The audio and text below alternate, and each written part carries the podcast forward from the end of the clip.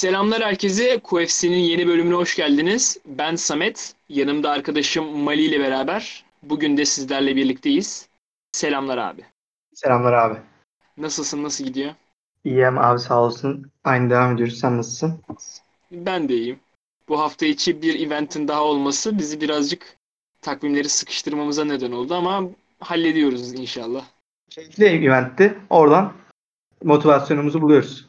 Aynen oradan kurtarıyor biraz gerçekten.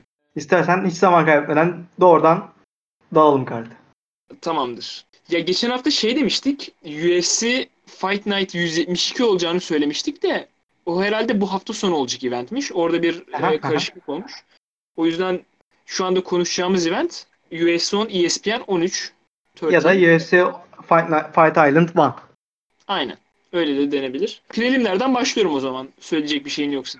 Gecenin ilk maçı Bantamweight'te Jack Shore ve Aaron Phillips arasındaydı. Ve bu maç Jack Shore'un ikinci rounddaki rear naked choke submission'ı ile bitti ve Jack Shore galibiyeti adına yazdırdı. Ee, var mı maç hakkında söylemek istediğin bir şey? Abi etkili, çok etkileyici bir prospekt. Kesinlikle. Zaten bu maça kadar mağlubiyetsiz gelmişti.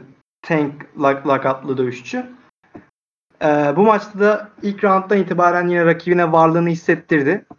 Ee, nelerde daha iyi olabileceğini, neleri daha iyi yapabileceğini, bu division'da geleceğinin olacağını Bantamweight biliyorsun çok dolu ama orada yine de kendini gösterebileceğini gösterdi. Hani rakibini ragdoll diyorlar ya yakın zamanda Till'le Peri arasında bayağı geçti bu kelime. Till bayağı Peri'yle da- dalga geçti diyeyim. Şimdi diğer kelimeyi kullanmayayım. Ragdoll diyerek. Shore onu yaptı. İlk roundda Phillips iyi karşılık veriyordu ama ikinci roundda artık Shore'un baskısına dayanamadı ve naked choke'a maruz kaldı. Shore için güzel galibiyet. Daha 25 yaşında sadece Galler'le arkasında şey de alabilecek bir ülkeden. Destek de alabilecek bir ülkeden. 13 maçın 12'sini de bitirdi. Ben merak ediyorum devamlı olacak. Umarım güzel bir rakipte güzel maçlarını izleriz. Evet. e, ya prelimler beklediğimin çok üstünde geçti benim genel olarak. Buradan zaten Kesinlikle öyle. sinyallerini vermeye başladı aslında. Kesinlikle. Güzel. Preliminler main event'ten daha güzeldi bence. yani her maçla birlikte şeyi kovalıyorum tamam mı şimdi? Hangi maç Fight of the Night Aynen, alır? aynen. Ee, cidden her maçla birlikte böyle sanki üstüne koyuyormuş gibi arada istisnalarda Evet, evet. olsa. 3-4 Evet, maçla birlikte güncelledim yani onu. Evet, kesinlikle. Yani main event'te biraz dalga geçtim de e, şey, ben bence main event'te güzeldi bir iki maç hariç. Ama e, bu ben de performans of the night'ı kime verecekler diye bir miktar düşündüm. Düşünmedim değil. Fazlaca güzel performans vardı. Oldu oldu. Konuşuruz. Hmm. Okey tamam. Ee, sıradaki maça geçiyorum o zaman hızlıca. Hı hı, evet. Gecenin ikinci maçı Women's Flyweight'teydi. Diana Belbita ile Liana Jojo arasındaki bu maç ilk roundun daha yarısında falan e, bitti. Ve Liana Jojo armbar sonucu bir submission'la maçı kazandı. Zaten geçen hafta konuşmuştuk Liana Jojo'nun e, bizim için biraz daha böyle e, göze e, Ayrı şekilde olan takip edeceğimiz bir dövüşçü olduğunu. Neden? Çünkü Oktagon'da bir Türk de vardı. Aa evet. İsim- Ee, Octagon'da Liana Jojo'nun cornermenlerinden birisi. Şu an Corvus Combat'ın kurucusu ve e, trainerı olan Burak Derbiçer de cornerman olarak oradaydı. E, bir Türk'ü Octagon'un içinde görmek e, trainer de olsa çok hoştu bizim için. Umarım ileride dövüşçülerimiz de o kafesin içinde bulunur. E, maçtan bahsetmek gerekirse Liana Jojo zaten e, grappling'de master bir dövüşçü. Çalıştığı yerde BJJ konusunda bayağı yetkin ve başarılı bir yer. Corvus Combat. Bu üstünlüğünü de rakibine Berbita'ya gösterdi. Berbita da grappling'de fena olan bir e, dövüşçü değil ama ana dalı onun kickboxing. Ki orada yani şunu söylemeden geçmeyeyim. Jojo'ya hakkını vermemiz lazım ama Berbita hayatımda gördüğüm en kötü fight IQ'lardan birine sahip. Michel Pereira ve şey seviyesinde. Johnny Walker falan seviyesinde. Abi ben böyle aptal bir şey görmedim bak. Sadece kağıt üstü. Hiçbir şey, her şeyi siktir et. Karşısındaki kadın grappling'de master ve şu- o maça gelene kadar 7 galibiyetinin 5'ini submission'ını almış. Bunların 4'ü armbar. Tamam mı? Bunu biliyorsun. Aşağıdan armbara girebiliyor kadın. Bir de çok esnek oluyorlar biliyorsun kadınlarda. Ee, bu armbara falan girmeleri, bacakları e, boyuna getirmeleri falan çok daha rahat oluyor. Sen kickbox ustasısın. Karşısındaki grappler, grappling ustası. Sen maçın ilk 15 saniyesinde 5 tane yumruğu başarılı şekilde land etmişsin ve rakibin de böyle bir hafif sallamışsın. Yani yere gitmenin nasıl bir mantığı vardı? Aklında ne düşün? Ha tek down alıp geri kalkabilirdin. Hani yapıyorlar ya tek down skor etmek için alıyor. Sonra geri kalkıyor. Yani bilmiyorum. Hayatımda gördüğüm en aptalca kararlardan birisiydi Belbita'nın yaptığı. Ee, ayakta devam etseydi ne olurdu? Ee, Georgia'nın o taraflarda nasıl olduğunu bilmiyoruz. Görmek lazım.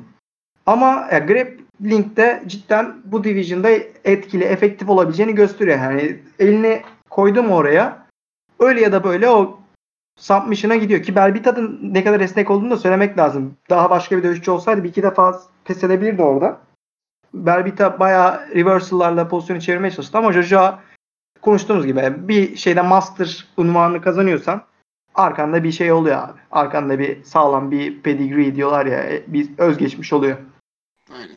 Ya bir de işte bir hareketi yapma olayı falan hani bir, bir harekette çok ustalaşmak olayı aslında sadece o hareketi iyi yapabilmenin de ötesinde o harekete götürmek de olayı yani. Kesinlikle katılıyorum. Ronda'nın armbarı yaptı yani. kesinlikle Ronda'nın armbarı, Habib'in ground and pound'u Aynen. Ee, ne bileyim diyeceğin her şeyi diyeceğim. Bunların hepsi nereden geleceğini, nereye gideceğini bildiğin şeyler. Adam baştan sona ezberlemiş. Sadece o hareketi yapmayı değil, o hareketi nasıl getireceğini de biliyor. Jojo'da da bunu gördük. Gayet başarılı şekilde armbara getirdi ve gayet başarılı şekilde submit etti. Daha çok genç, 25 yaşında. Biraz önceki Jack Shore gibi. Ve nerede? Hangi division'da? UFC'nin Women Featherweight'ten sonraki en zayıf division'ında. Ve bu da çok güzel bir fırsat. Bu yaşta, bu, bu genç e, yaşında bu kadar yüksek de finish rate'e sahip bir dövüşçünün umarım yani striking'i 15 saniyede yorum yapmak çok zor ama çok hoş görünmedi bence. Önceki Sarah Moras maçında da çok hoş değildi. Umarım o konuda gelişir. Daha gelişebileceğini düşünüyorum. 25 yaşında zaten. O yönde gelişirse yine bir contender'ımız var diyebiliriz. Ee, daha sonra dövüşmeye Akmat'ta mı devam edecek eskiden olduğu gibi yoksa İstanbul'da mı devam edecek? Onu da bilmiyorum. Bakalım. Umarım hem e, Corvus Combat için hem Jojo için hayırlısı olur. Onları yukarıda görürüz. Okey. Geçiyorum o zaman. Hı hı. E, prelimlerin 3. maçı Featherweight'teydi. Jared Gordon ile Chris Fishgold arasındaki bu maç distance'a gitti ve 3 roundun sonunda Jared Gordon e, tabiri caizse ya distinctive bir e, performansla unanimous decision sonucu maçı kazandı. Evet. Yani prelimlerde uzayan tek maç buydu. Hani Evet. sonuna kadar giden tek maç buydu ama bu bile hani bayağı Stil şeyin olarak gitmedi. heyecan Evet heyecan seviyesi bayağı yüksekti. Yani güzel bir Evet. yer mücadelesi gördük. Ground oyunu gördük. Özellikle Jared Gordon'ın bayağı rakibine üstünlük kurduğunu gördük o süreçte. Sendeyiz hocam. Ne düşünüyorsun maçta? Özellikle son roundda abi dediğin gibi 10'a 8'lik bir roundtu zaten. 3 hakem tarafından 10'a 8 verildi o roundda. Yani içinden geçti. Bitirişe gitmeye çalıştı. Gidemedi. Yani belki o yönden eleştirilir. Yani bitirebilirdi bence. Ama e, gayet güzel. 3 roundda da game planını gayet güzel uyguladı. Ayakta başarılıydı. Gerektiği zaman doğru yerde yere gitmeyi bildi. Chris Fishgold'un tecrübesine, yani tecrübesi diyorum işte yerdeki o submission'la çok galibiyet var onun da. Yani yerde o da boş bir rakip değil Chris Fishgold. Ee, ama onlara kanmadı. Güzel şekilde Grandin Paul'unu konuşturdu. Fishgold'un kiloyu kaçırmış olması da son roundda iyice yavaşlamasına neden oldu zaten. Ee, güzel maç Jared Gordon için. Bakalım neler getirecek. Çok dolu bir division dağlardı. Yani 155'teydi daha önce Jared Gordon. Şimdi 145'e düştü. Bu daha hayırlı mı olacak bakalım onun için göreceğiz. Onun haricinde diyebileceğim bu maçla alakalı maçtan öte Paul Felder'ın eee, şeyi yorumculuğu bırakıp cornerman olarak Jared Gordon'un yanına gelmesi çok hoştu bence. Adam e, orada koşarak işte şey üstüne ceket giyiyor sonra geri çıkarıyor tekrar geri geliyor falan çok hoş. Bir de şeyi düşününce Jared Gordon içinde kaldığı durumu düşününce tüm cornermanlerinin koronadan pozitif çıkması üzücü bir olay. Kendisi de false pozitif çıkıyor. Ee, Abu Dhabi'ye geldikten sonra falan bayağı zor bir süreçten geçerek bu maça geldi o da. Ama diyorlar ya at the end of the day günün sonunda kazanan Jared Gordon oldu. Paul Felder da güzel bir an yaşattı bize. Çalışkanlığını gösterdi. Ha, bu arada fark ettin mi? Köşede sadece kızıllar vardı neredeyse. Yok hiç dikkat etmedim abi. Köşedeki diğer head, head coach da kızıldı. Böyle Paul Felder'in bir buçuk porsiyonu gibiydi. Daha büyük hali böyle. O da eğlenceliydi. Yandan tavsiyeler falan da Paul Felder'in güzel, hoştu yani. Genel olarak e, e, eğlencesi yüksek bir durumdu. Maç. Maçta dışında hani corner'ı falan düşününce. Anladım. Evet. Geçiyorum. Hı hı. Belki de gecenin en ilginç maçına geçiyorum. Kesinlikle ilginç demişken. Yani her hafta farklı bir olay oluyor ve bizi cidden daha da şaşırtıyor. Daha üstte Ya- olmaz diyoruz. Yine oluyor. Konuşacak yeni şeyler katıyor abi bize. Ne kadar güzel. Kesinlikle. Ee, gecenin dördüncü maçı Light Heavyweight'teydi. Ee, Modestas Bukauskas'la Andreas Michalidis arasındaki bu maç birinci roundun sonunda technical knockout sonucu ee, Modestas Bukauskas'ın galibiyetiyle sonuçlandı.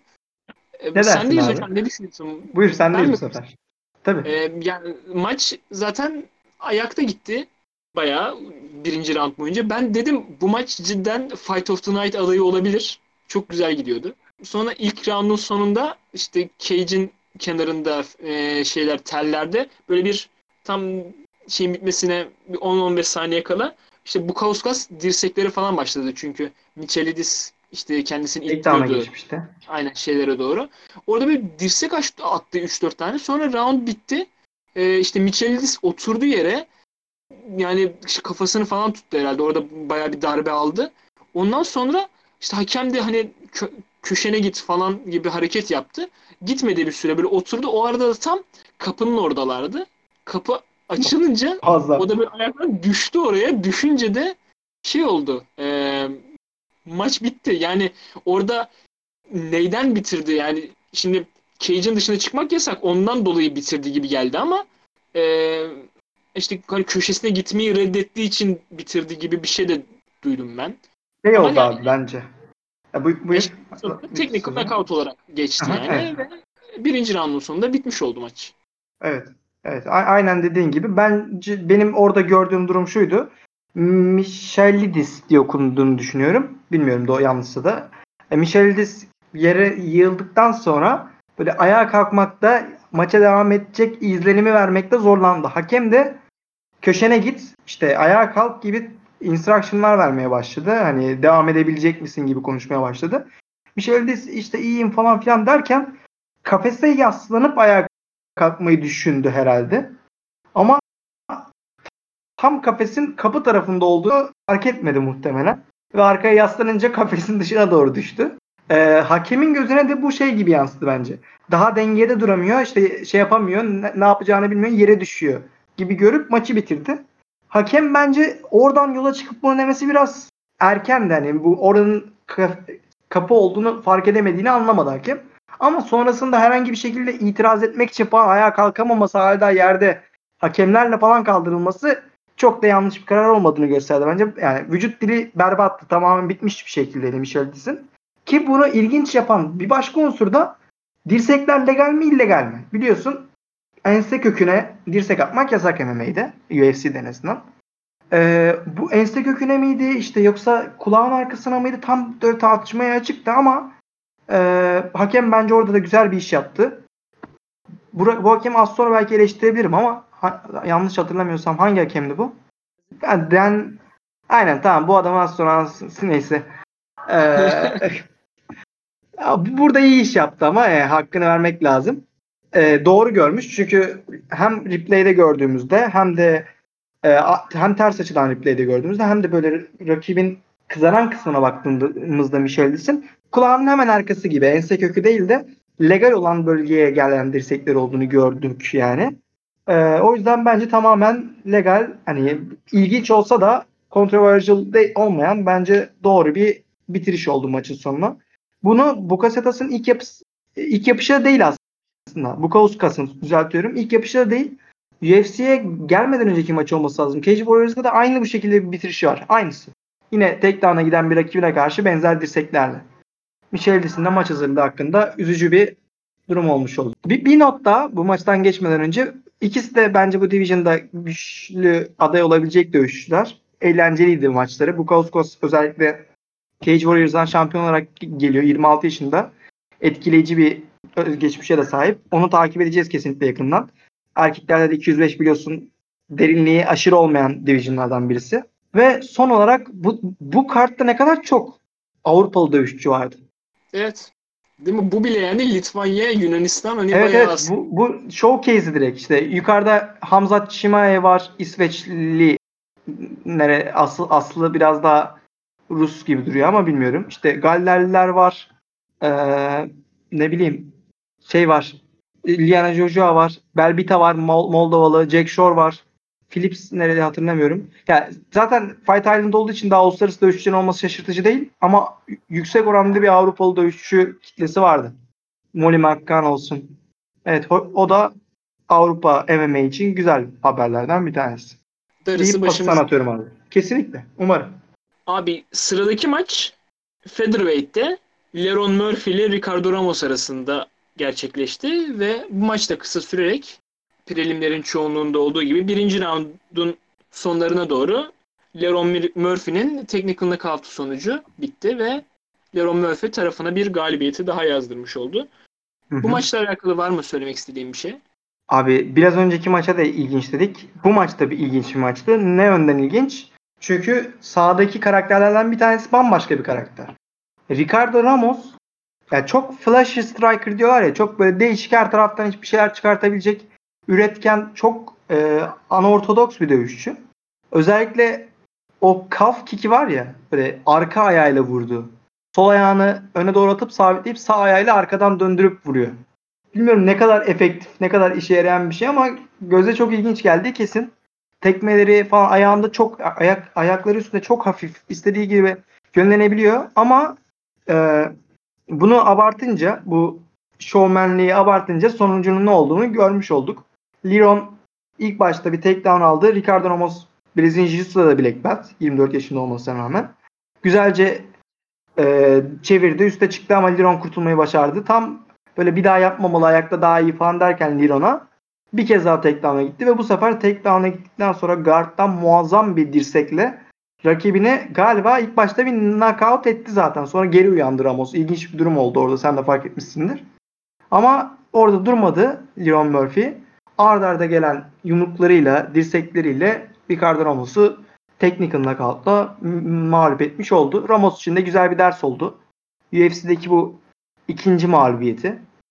İlk başta da Sait Nurmagomedov'a yenilmiş. Habib'in kuzeni mi bu? Hiç bilmiyorum. Ya muhtemelen o, o soydan ama muhtemelen kuzenidir. Neyse. Leon Murphy e, etkileyici bir rekora sahip. Undefeated şu ana kadar. Bir tane draw var sadece Zubay, Zubayra'yla. O da Habib'in team, teaminden. Bakalım Leon güzel bir başarı sağladı bence böyle. Çünkü underdog olarak gelmişti bu maça ve Ricardo Ramos çok konuşulan bir isimdi. Buna karşı ona karşı böyle güzel bir galibiyet. Böyle net bir galibiyet. Güzel oldu. Ricardo Ramos geri tabii ki bounce edebilir. Daha 24 yaşında ama kendi iyi olduğunu düşünülen ground'da bu kadar hiçbir şey yapamadan e, guard'dayken yani hiç böyle işte kaçmaya çalışmadan submission'a çalışmadan öyle tırnak içinde amiyane terimle amele gibi knockout olması hoş gö- görünmedi onun adına. Bakalım ne olacak? Ya o bir, bir soru işareti. Liron aynı, aynı zamanda şunu da belirtelim. Bu performansıyla Performance of the Night bonusunu aldı.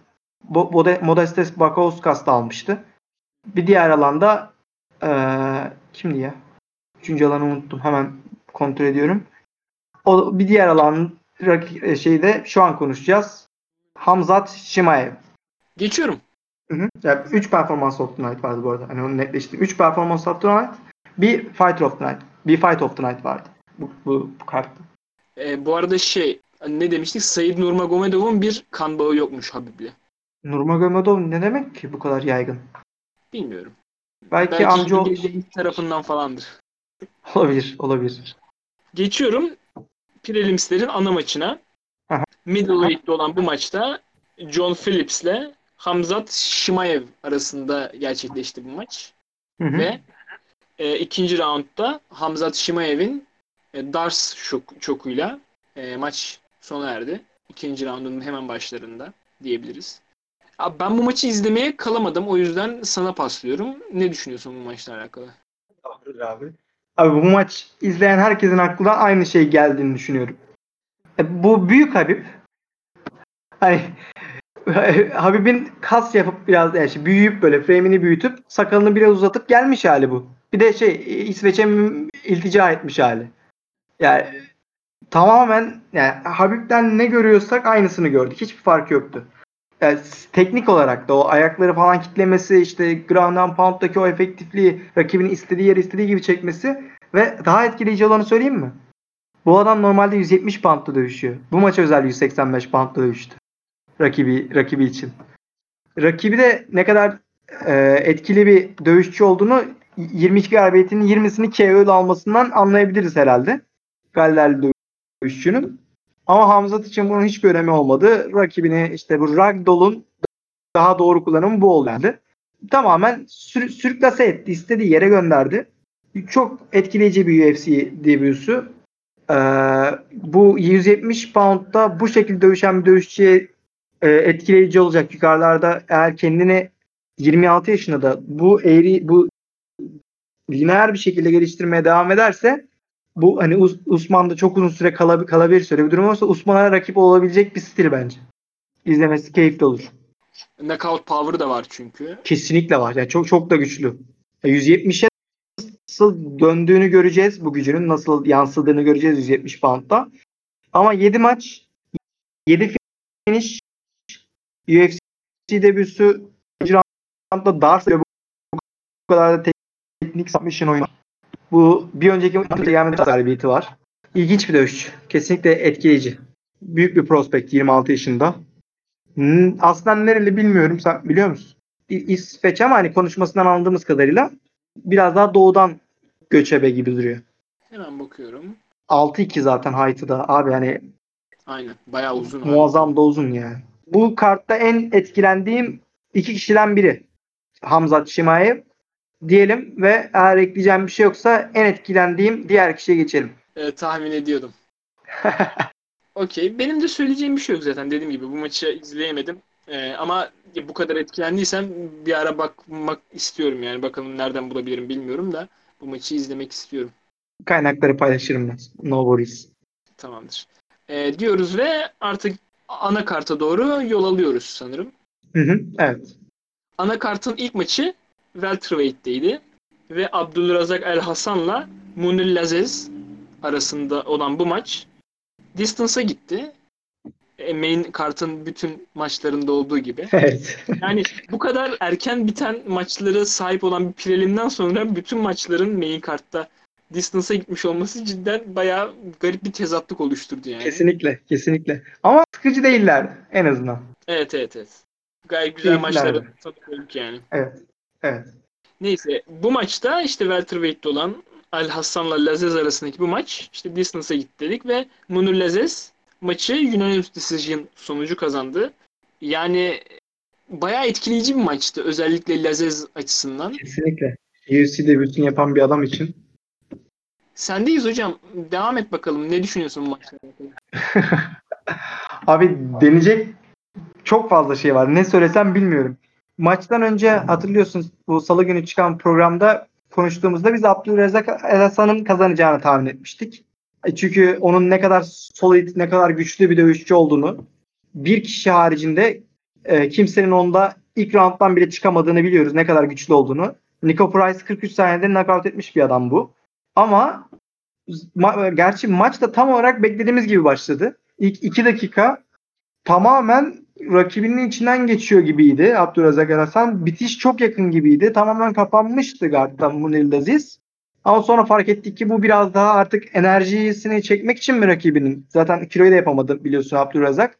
Yoksa başka bir nedenle mi? Yoksa cidden orada bir zorluk mu yaşadı onu da bilmiyoruz. Çünkü gülüyordu en son çıktığında oradan. Hiç rahatsız olmuş gibi durmuyordu Münir. Bunun akabinde Munir'in oyununa girmeye başladık. Munir'in ne kadar teknik olduğu abi açıklanacak gibi değil ya. O vücuda yaptığı diz vuruşları e, rakip içeri doğru biliyorsun. Abdülrezzak Hasan nasıl ne kadar judo temelli olsa da temel olayı bir brawler. Direkt içeri girip bam bam bam vurmak istiyor. Ki hayatı boyunca bunu yaparak adamları düşürdü.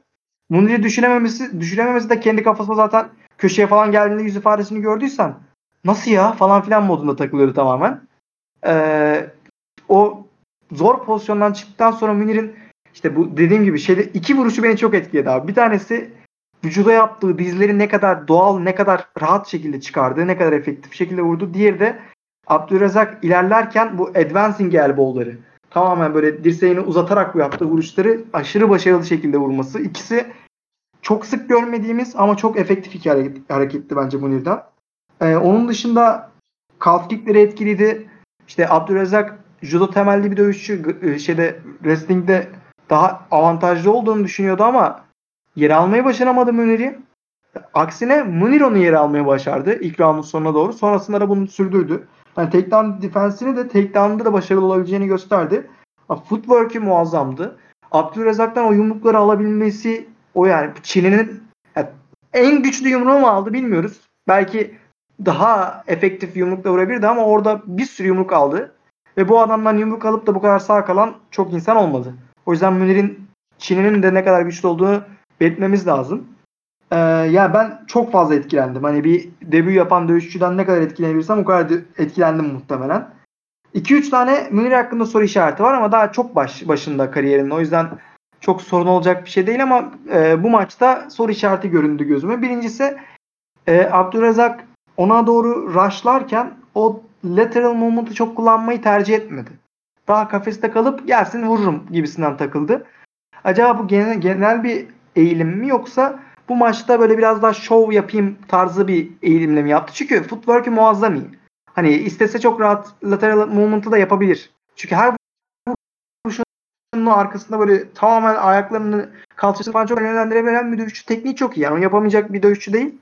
Ben şey olduğunu umuyorum. Hani ilk maçı böyle biraz daha etkileyim diye bu şekilde dövüştüğünü düşünüyorum. O yüzden çok büyük bir sorun mu bilmiyorum. Diğeri de birazcık gerizekalı hakemden dolayı da olmuş olabilir ama yerde pozisyondayken çok ilerleyemedi gibi duruyor. Ya da biz göremedik. Çok sürmediği için. Hakem abi adam side kontrole geçmiş ve side kontrole geçeli 5 saniye olmuş. Daha hala progres ne? Nereye progres etsin adam? Oradan adamlar bitiriliyor zaten. Nasıl bir aptallık bu? Kafayı yedim kesinlikle ya. Clinch'te duruyorlar. Daha 10 saniye geçmemiş birbirlerine dirsek vuruyorlar. Hala daha diyor ki hadi hadi. Sonra şey maçında da yaptı bunu. Jimmy Rivera maçında da yaptı. Söyledi yani bu şekilde. Abi ya, biliyor musun bilmiyorum da bu MMA.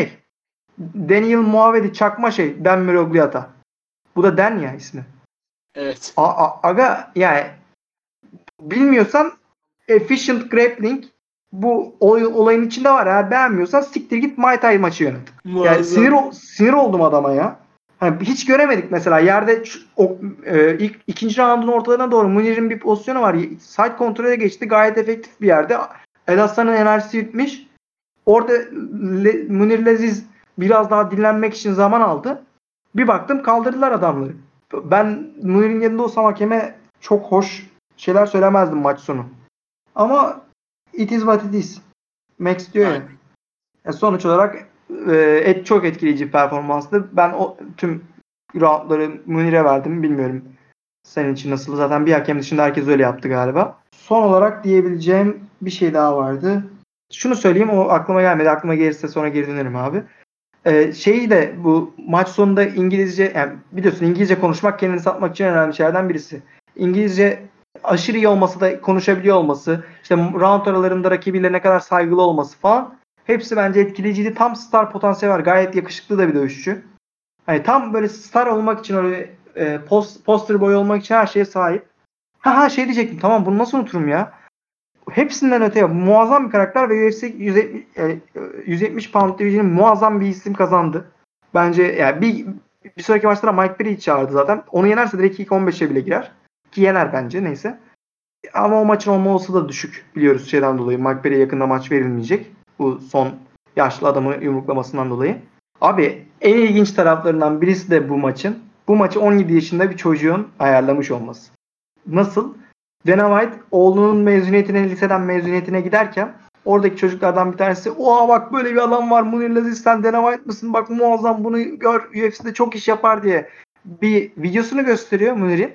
Dana White bakıyor ulan iyi dövüşçüymüş ya. Dubai'de de antrenman yapıyormuş. Abu Dhabi'ye yakın. Hadi bunu bir şey Sean Shelby'leri arıyor işte bu matchma- ma- matchmaker'ları. Diyor ki şuna bir maç verin diyor.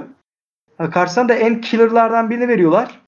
ve Munir böyle bir performans gösteriyor. Bilmiyorum muazzam yani. E Bunu 17 yaşında bir çocuğun scout ekibine alsınlar bence doğrudan. Aynen öyle abi. Gayet iyi maçtı yani. İşte Fight of the Night oldu abi zaten. Müthiş yani abi. Helal olsun çocuğa. Ve, ve e, çok kesinlikle e, bu takedown defense falan da muazzamdı. Bu division'da çok iş yapabilecek bir adam. Ya, kaç daha 26 yaşında. Bir dakika yan, yan- yanlış mı bakıyorum? Yanlış bakıyorum. Hemen kontrol ediyorum tekrardan yaşını. Sherlock'da yazmıyor yaşı. Evet, evet. O yüzden şeyden bakıyorum. 87'li. Evet, bir, bir miktar yaşlıymış. 33 yaşındaymış. Ama ben yani zaten bu division genel olarak yaşlı bir division yukarısı. Ben bu etkileyici dövüşle, bu stille yani tam fan favorite stil ya yukarılara çok rahat tırmanabileceğini düşünüyorum. Bakalım ne olacak. Yani yaşlı olsa da sonuçta hayatında az maça çıkmış. Daha az yıpranmıştır diyebiliriz. Kesinlikle. Doğru, kesinlikle. Ya çok da yaşlı değil. Şu an MMA gelişiyor. İnsanlar fizik, çalışma, fitness her şey gelişiyor. Aynen öyle. Bakalım göreceğiz. hı. Yani bekliyoruz yani gayet heyecanla. Kesinlikle. Yani kesinlikle takip edeceğim buradan sonra. Ya yanıldığıma çok mutlu oldum. Ma- maçı kazananın yanıldığıma çok mutlu oldum. Evet. Bize cidden güzel bir dövüşçü daha kattı yani. Hem welterweight'in geleceği açısından önemli. Kesinlikle, Ee, yani kesinlikle abi. Hani işte Hamza Chimaev'de de konuştuk yani. Welterweight İkisi de çok çok güzel oldu derinliğe. Aynen öyle. Yani bir 5'ten sonra falan biraz daha böyle derinliği azalan bir division'da o yüzden. Evet, yani beş Güzel kadar alternatifler yüksek seviyede olabilir. değillerdi. Yine iyi dövüşçüler var. Mesela Robbie Lawler, Lawler 14, 13 de. Yani ilk 5 seviyesinde evet biraz daha yok. Daha az var. Ya bir de şey çok dikkatimi çekiyor e, bu maçlarda. Ya Gilbert Burns abi bütün eventleri izliyor adam ya. Hı hı hı hı hı. Yani o Volkanovski tweetler falan değil. çıkıyor ya sabah. Volkanovski de. Evet. Aynen. Ya çok Ama karantinada ikisi de. No, yani Burns karantinada kor- korona oldu ya. Başka işi gücü yok şu an zaten. doğru olabilir. DC izliyor. Baya güzel bir olay yani bence. Hani genç insanların aç olması daha hoş Kesinlikle. yani. Kesinlikle. Abi adamın en büyük hobisi muhtemelen. Zaten o yüzden bu işe başlamış. Bunu en üst seviyede izleyebileceği yerde burası. Başka bir adres yok. Me- Yani mecbur izleyecek. Ne yapacak? Doğru. Ya çok bazı insanlar vardı işte bazı sanatçılar mesela yaptıkları tarz müzik dinlemezler falan. Yani başkasının kendi sanatının rep- e, şey replike edemeyeceğini falan iddia eder falan. Benim sanatım aynı falan tarzı. Ondan mı işte bilmiyorum hani biraz bıkmışlık olabilir hani. Sonuçta Ha, bu doğru. insanların hayatları dövüşle geçiyor. Artık hani başka şeyler izleyeyim. Dövüş, bütün Doğru. hayatım dövüş olmasın falan diye. Evet ama bu açlık güzel bence de bu his. Evet kesinlikle. Yani özellikle alttan gelen insanlar için çok daha Hı hı. önemli. Kesinlikle abi. Geçiyorum Diyelim hocam. ve başka eklemen yoksa yanıldığımız bir diğer maça geçelim. Aynen. Ee, gecenin ikinci maçı anakarttaki Women's Flyweight'teydi. Talia Santos'la Molly McCann arasındaki bu maç. Bu da decision'a gitti ve unanimous decision sonucu Talia Santos bu maçtan galip galibiyetle ayrıldı. 3 hakeminde 30-27 vermesi sonucu. Ya bayağı güzel bir grand game izledik maç boyunca. Kartın geneline baktığımızda da aslında bu bayağı grand game'e yönelik bir kart oldu diyebiliriz. Yani çok fazla Ground da vardı, Striking de vardı. Evet evet Ground Game'i çok beklemiyorduk. E, Clinch e, işini falan. Peki sence neyi yanlış yaptık tahmininde? Ben ben çok net söyleyebilirim neyi yanlış olduğunu. Bence Molly McCann'ı çok güzel analiz ettik. Yok yok Molly Mc- McCann'ı tamamen doğru analiz ettik. Ne yaptığını ne yapacağını tamamen biliyorduk. Tam olarak beklediklerimizi yaptı. Fark şu. Abi şimdi ya el insaf Tayla bir önceki maça çıkıyorsun rezaletsin. Hiçbir şey yapmıyorsun tamam mı? E, Bir maçta insan bu kadar gelişmez ki. Kaç ay geçmiş? Bir, bir, bir, bir gerçi bir buçuk sene geçmiş. Bunu fark etmememiz hoş olmamış da. Ya kadın bir buçuk senede bambaşka bir hale gelmiş. Ya abi bu kadın zaten yenilgisinden önce 15'e 0. Tamam da o, onları çok konuşmamak lazım. Onların da yaklaşık 9 tanesi sıfır galibiyetli insanlara karşı. Ha evet geçen hafta konuşmuştuk zaten ama olsun yani. Hani denk geldi kötü bir performans sergiledi dememiz hani bir buçuk senede bu kadar çağ atlamasından bence daha mantıklı bir argüman olabilir yani. Kendisi de çağ atladı ve competition adapte oldu ama önce, bu hamurunda bir yetenek vardı.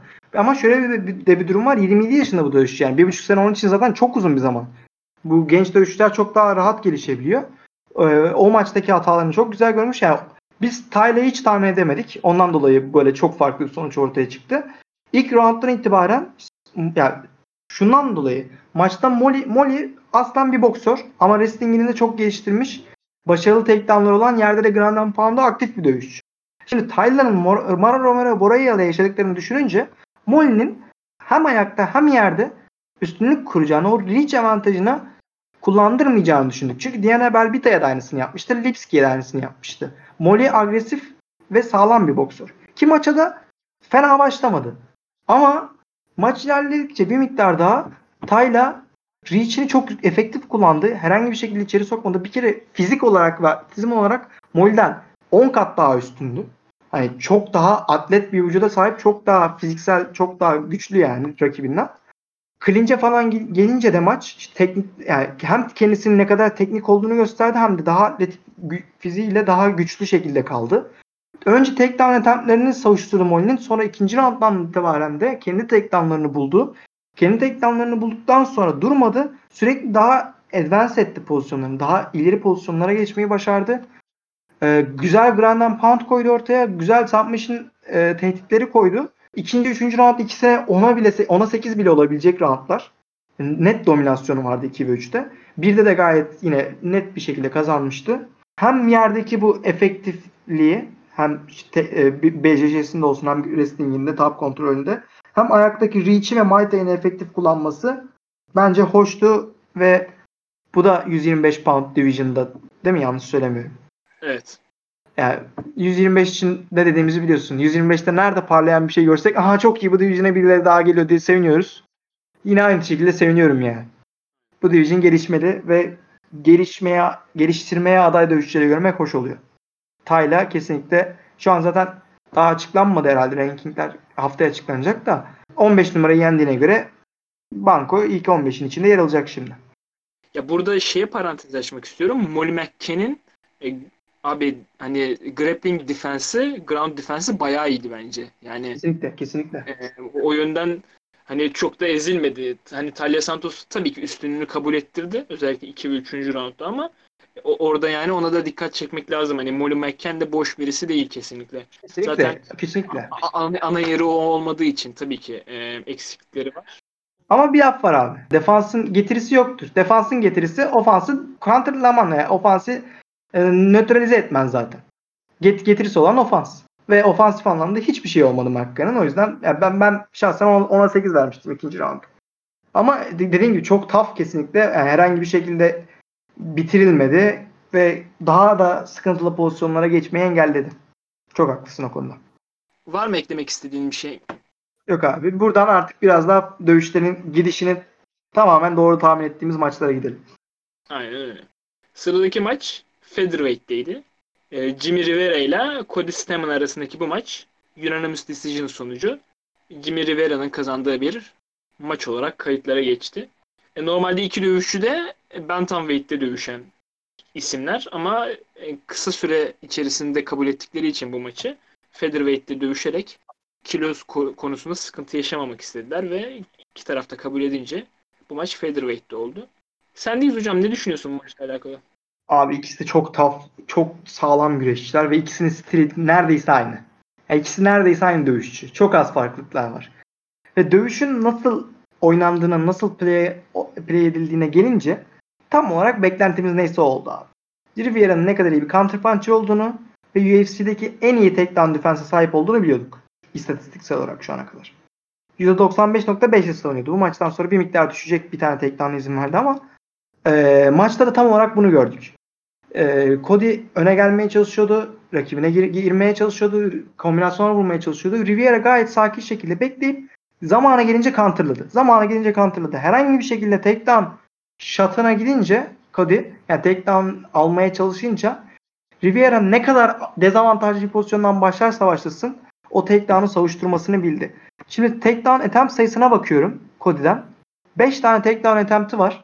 Ki bunlar yani öyle Cody boş insan değil öncelikle. Bir önceki maçını hatırlayın. İstediği zaman takedown'a götürebilen çok güçlü bir wrestler. Ve bu attempt'leri de bo yani bo- boş havadan işte takedown'a gideyim e, ne, ne derler? Ümitsiz takedown değil de Yarısını zaten single'deki alıp tamamen havaya tuttuğu kafesin ortasında tek ayak üstünde bıraktığı takedown attemptleriydi. Ona rağmen öyle güzel dengesini kuruyor ve öyle hani götü yere yakın olandan korkacaksın diye bir laf var ya. Aynen. Abi muazzam dengeli, muazzam kalçaları güçlü ve herhangi bir şekilde düşürülemiyor adam. Tek takedown aldığında tamamen body lock'ı takıp yukarıdan aşağıya vurdu Cody. Onda da yaklaşık bir saniye durdu yerde. Dizlerinin üstüne koyup tekrar ayağa kalktı. Ee, Riviera'dan ne kadar tough olduğunu da biliyorduk. Çok yani bence etkileyiciydi Cody'yi yenmesi. Zaten arda arda geliyor bu iki beyefendi sıralamalarda. Birisi 8. birisi 9'uncuydu bu maç öncesinde. Muhtemelen yerlerinde çok değişme olmaz, olmayacak en azından Riviera'nın. Ee, ama yani Riviera kendi nok- e, noktasını ispatlamış oldu kendi gücünü. Ee, son şeyden konuşmuştuk. Son 4 maçından 3'ünü kaybetmesinden konuşmuştuk ama bu kaybettiği insanların hani bu division'da en kaybedilecek 3 kişi olduğundan bahsetmiştik. Ee, aynı zamanda kendisi de dile getirdi. Piotr, Piotr Yan'a şu ana kadar en zor, en e, zorlu maçı veren bendim diye. Bu statement'ında da haksız değil. Bu da ileride olası bir galibiyet serisinde Piotr Yan hala daha oralardaysa o rövanşı alabileceğinin bir göstergesi bence. Ben hoşuma gitti maç. Biraz daha düşük outputluydu. Daha yüksek outputlu olsa Fight of the Night bile olabilirdi. Çünkü e, şiddet gayet içeriyordu maç. Riviera ama biraz daha düşük tuttu output'u. Belki o bir eleştiri olarak yapılabilir. Cody için de kötü bir mağlubiyet değil. Geri gelebilecek güçlü bir karakterli bir dövüşçü zaten. Bakalım bu division'da ne gidecek. Son olarak sana bırakmadan abi sözü şunu söylemek istiyorum. Riviera için bir sonraki maçta Asonso ile dövüşürse çok hoş olur bence. Onunla da hemen bir sıra üstünde o da onun. Yukarıdaki Sandhagen dışında neredeyse herkesin buklandığını düşünürsek bence Asonso onun için çok güzel bir test olur. Sandhagen'dan daha iyi bir eşleşme mi olur yani? Sandhagen'e Dominic Cruz'la dövüşmesini istediğim için söylemedim. Yoksa o da olabilir. Daha farklı sebeplerle. Bu arada Moraes Cody buklanacak, buklanmış bile olabilir. O seviyedeydi en son. Duymadıysan. Gördüm bir iki tane şeyi postu onunla alakalı. Title Eliminator o da çok güzel maç olacak. Bakalım. Gerçekten güzel bir maç olacak. yani. Bantamweight yine veriyor isteneni. Durmadan veriyor. Aynen öyle. Şimdi aşağıda Sean O'Malley falan da buklandı değil mi? Evet Sean O'Malley, Marlon Chitavera ile Merab Javashvili, John Dodson'la buklandı. Aa, Javishvili de buklandı. Güzel tamam. Aha. John Watson'la güzel John maç. olması lazım. Tam hatırlamıyorum da John Dodson olması lazım. John Dodson'ı bir yine 20 kez yere alacak muhtemelen Javashvili. Neyse. Yani muhtemel. Merab the Machine. O da çok ilginç bir adam ya. Evet yani Bantamweight hem şu andaki şey açısından kemer e, yarışması açısından hem de aşağıdan gelenler açısından cidden her yönden kaliteli Çok bir dolu. Kesinlikle çok dolu. Çok haklısın abi. Bakalım göreceğiz. Yani maçla alakalı benim de söylemek istediğim ekstra bir şey yok ya çok fazla. Rivera çok yukarıki seviyelerdeki deneyim, deneyimini birazcık konuşturdu ve Aynen. galibiyeti aldı yani. Kısacası bunu diyebiliriz. İnşallah bir geri dönüş yapar yani. Bu son dört maçın üçünü kaybetmişti bu maça kadar. Ama dediğim gibi yani hepsi büyük rakipler. Geri dönsün yani çok farklı abi çok seriler. Yani bu maçın 145'te olması tabii normalde 135 oldukları için böyle ama yani maç nasıl başladı? Rüzgar gibi başladı ya. Hmm, hayran kalıyorum yani bu tip bu kadar hızlı olan dövüşçülere. Hani bu adamların bir de hani base'i biraz daha şey grappling. Evet. Evet. İkisi de tamamen aynı dövüşçüler ya. Direkt aynı kişiler gibi duruyor abi. Bakalım güzel olacak cidden. Cody de işte herhalde daha yaşı falan da genç zaten. O da bounce back yapar diye düşünüyorum. Eklemek istediğim şey yok benim başka. İstersen O zaman co-main'e gidelim. Hı hı. Gecenin co-main eventi. Ya bu maçın co-main event olması birazcık garip değil miydi? Hani mesela Jimmy Rivera Bence maçı. Jimmy Cody olmalıydı ama bilmiyorum ben. Neden böyle bir şey yaptılar bilgim yok.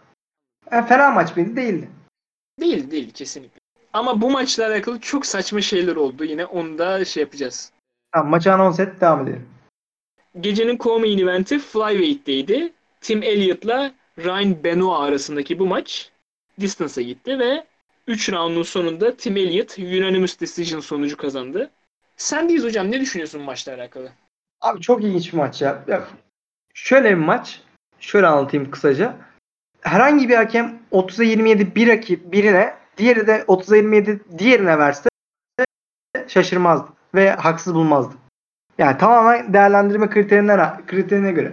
Kısaca özetlemek gerekirse Elliot ayağı, ayakları üstünde daha hafif olan sürekli hareket eden sürekli awkward bir hareket eden hem normal bir hareketi etmeyen yani böyle değişik bir hareket içerisinde doğrudan. Ee, Dominic Cruz gibi ama biraz da anlaşılamaz. Ne yaptığı belli değil yani. Karşısında Ryan Benoit de tam bir killer böyle. Tamamen ulan bir yapıştırayım şunu da indireyim modunda çıkmış bir rakip. Aynen. İkisi için de mağlubiyetle geldikleri için galibiyete ihtiyaçları vardı. Yani maç özelinde diyebileceğim Elliot volümde rakibine üstünlük kurdu. Daha fazla punch land eden, daha fa- fazla punch'a sahip olan, yumruğa sahip olan dövüşçüydü. Footwork falan etkileyiciydi işte dediğimiz gibi. İlk round, yani şimdi şey demekle çok zorlanırım abi. Hakemler ilk iki roundu Elliot'a son roundu Benoit'e vermiş. Evet. Ben, ben tam tersi vermiştim maçı tamamen. İlk iki roundu Benoit'e son roundu Elliot'a verdim. Abi benim de zaten saçma dediğim oluyor. Yani ben şey yaparken baya 1-2 Benoit'dır diyorum. Ben, ben Yani bu son düşündüm. Elliot'ın knockout etmesi lazım diyorum. Bir geldi 30 şey 29 28 okey. Sonra şeylere baktım hani kim Knockout'lara, aynen. Abi ne kadar saçma ya. Bilmiyorum bana çok ilginç geldi. Verdik'te bak ya Verdik'te de bakmıştım. Orada da şeydi. Hani 1-3 Elio'ydu. Ona eyvallah. Bir çok yakındı bence. 1-3 Elio, 2 Benoit'ydi. Ama ya her round çok yakın olduğu için neye göre verdiklerine göre değişir. Yani çok yadırgayamayacağım o yüzden. Bilmiyorum abi çok farklı bir maç ya. Şey mesela ikinci rounddaki şey olayı muazzamdı. 1 ve 3 genelde birbirine benzer roundlardı. 3'te bence daha dominant olmasına rağmen Elliot belki o parmağındaki sorundan dolayı hakemlerin gözüne Benoit daha efektif gibi görünmüş olabilir. E, Benoit daha güçlü yumrukları landetti. Elliot daha e, fazla yumruk landetti. Asıl farkları buydu. İkinci roundda da bir şey grappling sekansı gördük. Yine dediğim gibi bu kart grappling dolu bir karttı içinde. E, önce Elliot'ın bir başarılı giyotin, ya başarılı değil, yani başarıya çok yaklaşmış bir giyotin denemesi vardı. Orada sanki başarılı olacak gibiydi. Benoit çıktı. Ondan sonra yerde bir reversal'dan sonra bir knee bar'a gitti. Orada Elliot'ın yüz ifadesi çok fazla değişti. Ana dedim kırıldı herhalde dizi, dizi falan. Ama sonra oradan dönmeyi başardı falan. Yani orada güzel bir sekans izledik. Ayakta zaten güzel bir maç geçti genel olarak. Son roundda da anlamadığımız bir Elliot parmağı çıktı herhalde. Onu bir ye- geri taktı falan. Orada bir şeylerle uğraştı. Yani daha fazla diyebileceğim bir şey yok abi. Çok ilginç bir maçtı. İkisi için de özellikle Flyweight title'ının bir sonraki kartta çıkacak olmasından dolayı showcase show, e, kendi şovlarını yapabilecekleri maçtı. Bence fena kullanmadı ikisi de. Kendi güçlü özelliklerini göstermiş oldular. Hı, Sendeyiz abi. Ya ben maçla alakalı şunu düşünüyorum. Üçüncü roundun Benoit'e verilmiş olması üç hakem tarafından da ben tam bir rezalet olarak düşünüyorum yani. Ya Abi çünkü hani, bence 3 round içerisinde en neti ben bence de. Bence de. 3. Ya oğlum bu adamlar maçı izlemiyor mu ya? Abi ama şöyle bir durum var. Üçüncü round içinde yine en significant punch'a bakarsan Benoit'daydı. Bir eliyle uğraşırken şey çok sağlam iki tane punch indirdi. Belki onların şiddetine baktılar ve ona göre yorumladılar. Bil- bilmiyorum. Ya dediğim gibi bu herhangi bir kombinasyonla skorlamaya ben okeyim burada. Ha bu tutarsız duruyor birazcık ama yapacak bir şey yok. Ya ben o yönden bayağı şey yaptım yani maç sonucu ne oluyor falan dedim. İki round vermemiştim yani El- Elliot'a. Sonra Hı hı. baktım. e, hiç alakası olmayan iki roundu verdiklerini görünce de iyice şey oldum yani. İlginç bir maç gerçekten. Abi ilk round nasıl bilmiyorum ya. Şöyle bak şöyle bir istatistik de var. Tamam Elias daha verimliydi. Özellikle leg kickleri falan da. Head strike'a bakarsan round 1'de Elliot'ın 4, Benoit'ın 11 mesela ve bunların şiddetlerine tartışmaya bile gerek yok. Bilmiyorum. Neyse çok fazla üstüne durmayacağım. Bunun çünkü çok da aşırı değeri olan bir maç değildi. Evet. Hani birinin hayatını değiştirmeyecek. Elliot'ın galibiyete de ihtiyacı vardı yani. Hak etti de bence. İkisi de eşit, eşit miktarda hak etti yani bence. O yüzden asıl konuşmak istediğimiz maça geçelim bence. Aynen. Ya title picture'ı içinde çok fazla bir şey ifade etmiyordu zaten o yüzden. Kesinlikle. Geçiyoruz hocam. Hı hı. Gecenin UFC on E ESPN 13'ün ana maçında Calvin Cater'la Dan Ige featherweight'te karşılaştılar. Distance'a giden maçı 5 roundun sonunda Calvin Cater unanimous decision sonucu kazandı. Beklediğimiz bir maç bulabildik mi abi? Beklediğin şeyi bulabildin mi maçta? Ee, ne Buldum. düşünüyorsun maçla alakalı? Beklediğimden küçük bir şey azını buldum ama buldum. Şöyle buldum. Neyi bekliyorduk bu maçta? Denige'nin daha hareketli olmasını, maçı ground'a getirmeye çalışmasını. Cater'ın ise biraz yavaşladıktan sonra daha isabetli, daha precision beats power falan var ya. O yumruklarla rakibini indirmesini ben 4'e 5'e doğru kümülatif ha- hasardan dolayı knockout etmesini bekliyordum. Ama şeyi tabii ihmal etmiş oluyoruz orada. Havai genlerinin nasıl bir havasında mı suyunda mı nerede var bir şey varsa adamlar yıkılmıyor ya. Bilmiyorum. Ya şöyle maçı izleyince sanki Cater böyle aşırı domine etmemiş de böyle çok yakın maçmış gibi geliyor. Öz- 4-5 çıkarırsam 1-2-3. Ama şöyle bir durum var. Yani Ige vuruşların çoğu bloklandı. Çoğu omuzda kaldı, çoğu kolda kaldı ama o daha hareketli ve daha böyle fazla yumruk sallıyor olması sanki daha başarılıymış gibi durdu. Ama istatistiklere bakınca Cater yani ikinci round hariç her yer döndü. Kısaca maçı özetleyeyim hemen daha bu şekilde analize girmeden. Ya ilk roundda biliyoruz ki Cater her zaman maça yavaş başlıyor. Genel olayı belli bir şekilde belli bir miktar yumrukları aldıktan sonra rakibi okuyup ona göre devam etmek. Yine bu maç biraz daha hızlı aksiyona geçti. Ee, özellikle Denege'nin bir iki defa yere düşürmesi mi diyeyim. Knockdown değiller tam da Denege'yi yere almasını başardı. Denege yerde kalınca e, oradan başarılı e, aşağı yumruklar vurdu. Down strike mı denir? Aynen. Bu şeyleri çok başarı çok güzeldi bence. Guard'ın üstünden laps diye çeneye yapıştırdığı bir iki tanesi vardı. Bir iki tane de body'ye. Ige orada çok gereksiz ama kaybetti. Zaten de sonra onu uyardı bunu yapma konusunda. O sürelerle beraber, o precision'la beraber Cater ilk round'u aldı. İkinci rounda geldiğimizde yine benzer bir maç izlerken Ige bu lateral movement'ıyla in and out'u yani başarılı şekilde içeri girip yumruklarını vurup geri çıkmayı en efektif yaptığı roundtu. Her roundda bunu yapmaya çalıştı. Çoğunda yapmayı başardı ama bu roundda çok başarılıydı. Burnuna land ettiği bir yumruk var. Kroşe olması lazım. Sağ kroşe olması lazım. O Cater'ın burnunu kırdı muhtemelen ve oradan kan akmaya da başladı. Bu Cater'ı olması gerekenden daha fazla rahatsız etti bence. Cater'a yapılabilecek bir eleştiri. Yani çok fazla burnuyla oynamaya başladı falan. Ha bu Jeremy Stephens maçından kalma bir yara. Biliyorsun maçın üstünden çok uzun süre geçmedi zaten.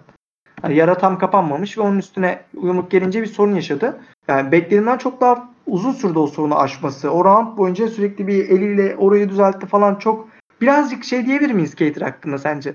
Biraz nazlı bir dövüşçü. Ya bence çok hızlı toparladı ya. Tam tersini düşünüyorum. Sonuçta kırılmış Abi- bir burundan bahsediyoruz yani abi. Ya 3. rounda geçerken adjust etmesine eyvallah. Ama 2. round boyunca sürekli eliyle oynaması falan filan bilmiyorum. Ben, ben daha tough görmüştüm Stephens maçında. Ona çok fazla dikkatini kaybetmesi bence bir soru işareti. Yani senin gözünde çok iyi gözükmedi o, o olay yani. Ben daha yüksek bekliyordum demek ki. Çıtayı daha yüksek koymuştum Cater'a kendi gözümde. Yani bence şey Cater'ın burnu bayağı iyiydi bence. Yani 3 4 5'te şey yapmadı çok sıkıntı yaratmadı. Ben belki de kırılmadı yani. Öyle büyük bir hasar yoktu ona rağmen dikkatli aldı. O daha da kötü işte. Ama, ama şey ya Cater'ın burnunda bir sıkıntı var evet. Maç öncesinde John Eric'le konuşurken şey falan demiş ya işte hani burnun nasıl falan demiş. O demiş göreceğiz bilmem ne. Yani o da biliyordu muhtemelen böyle bir sıkıntısı olduğunu ama ona rağmen bence iyi bir maç oldu. Evet evet. Üç, yani üçü, üçte tamamen reset etti onu. Hakkını vermek lazım. Doğru. Ama ben bilmiyorum. O sürekli kesilen bir yerine dokunmak büyük bir tendensi. Kolay kolay aşılabilecek bir şey değil. Ve e, genel olarak çok sorun oluşturabilecek bir şey. Denige kullanamadı çünkü Denige çok daha kısa ve reach'i düşük rakibinden. İçeriye girmesi lazım. İçeriye girince de hep bir tehdit var orada. Ki maçta görünmeyen yıldızı yani belki daha deneyimli izleyiciler görmüştür ama şeyi görmesi biraz daha zordu. Kelvin yani ne zaman içeri girse iyi onun cebiyle tamamen bezdirdi hayattan. Zaten maç sonunda Ige'nin suratına baktığınızda her tarafında o yumrukları görüyordunuz ama maçta fark edilmiyordu bu çünkü Cater'ın volümü daha düşük duruyordu gözleri. Daha az yumruk sallıyordu ama salladığı zaman buluyordu. Ige içeri girip 1-2 vurup çıkmaya çalışıyordu ama bu 1-2'lerin hepsi ya overextend boşa gidiyordu ya omuzda kalıyor ya dirsekte blokta kalıyordu. İşte hakemlerin gözüne yanlış bir izlenim vermesinden çok çekiniyordum. Çünkü Ige biliyorsun Barboza'yı da biraz yanlış bir izlenimle yendi. Ee, ama hakemler doğru şekilde gördü. Özellikle zaten şey çok etkili oldu. Cater'ın gazı bitmedi ama Ige'ninki bitti 4-5. roundda. Oradan itibaren Cater tamamen saz, sazı eline aldı. rakibi kombinasyonları da kullanarak yendi ama çok şey de kullanmadı. Ee, cebi başarılı olunca çok da nasıl ben yeniyorum çok da knockout'a gitmeme gerek yok gibi dövüştü. Belki o burnundan hala daha çekiniyordu bilmiyoruz onu. Ee, o onun dışında diyebileceğim şey yani Cater çok etkileyiciydi. Klasik. Aynı beklediğimiz gibi her şeyi yaptı yani beklediğimiz her şeyi. Çok net bir boksör. Bu division'ın en iyi boksörü. Direkt tartışmasız bence. E, şu an UFC'deki en iyi boksörlerden birisi hatta. Bunun yanında bir başka övgü söylenebilecek takedown defense abi. 7'de 7 ve iyi Evet. hem daha kısa olan dövüşçü hem de rakiplerini başarıyla yere alabilen bir dövüşçü.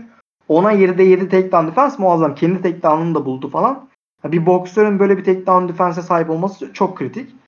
E, leg kickler o kadar sorun olmadı Cater'a. Bu iki faktör etkiledi. Birisi Ige o kadar çok kullanmayı tercih etmedi. Bir işte içeri girememesinden dolayı olabilir. Belki başka bir nedenden. E, yani counterlanmak istemedi muhtemelen yumrukla. Bir de biraz daha iyiydi çekleme ve yoldan kurtarmak konusunda ama hala gelişmesi gereken yol var. Biliyorsun en büyük zaafı calf kick ve leg kickler Cater'ın. Son olarak işte bir de eleştiriyle bitireyim bu kısmı. Şeyi eleştireceğim. Her roundda yavaş başlıyor abi Cater. Tamam gaz tankı sonuna kadar dayanıyor. 5 round belki 2-3 round daha gidecek ama mesela Volkanovski gibi bir canavarla karşılaşırken büyük sorun olabilecek bir şey. Bu isteği yani rakibe özel mi yapıyor bunu yoksa her zaman bilmiyorum ama önceden de böyleydi biraz daha ama maça yavaş başlardı. Şimdi her round başında biraz daha yavaş böyle rakibinin bir şeyler yapmasını falan bekliyor. Kötü yönde kullanabilecek bir eğilim olabilir belki bakacağız. Bunun hakkında ne düşünüyorsun onu soracağım. Bir de köşenin 2'den 3'e ve 3'ten 4'e geçerken verdiği bence kritik bir tavsiye var. Cater'a dedi ki output'u arttırmalısın, volümü arttırmalısın. Hakemlerin gözüne nasıl göründüğünü bilmiyoruz.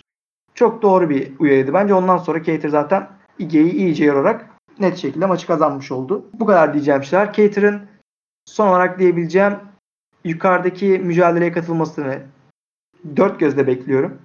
Volkanovski'ye karşı olsun, maç öncesinde demiştik yenerse Max'e karşı olsun maçları bence çok eğlenceli olur. Ve sana yukarıda olup net yenebileceğini yani daha favori olarak maça çıkacağı birini söyleyeyim mi?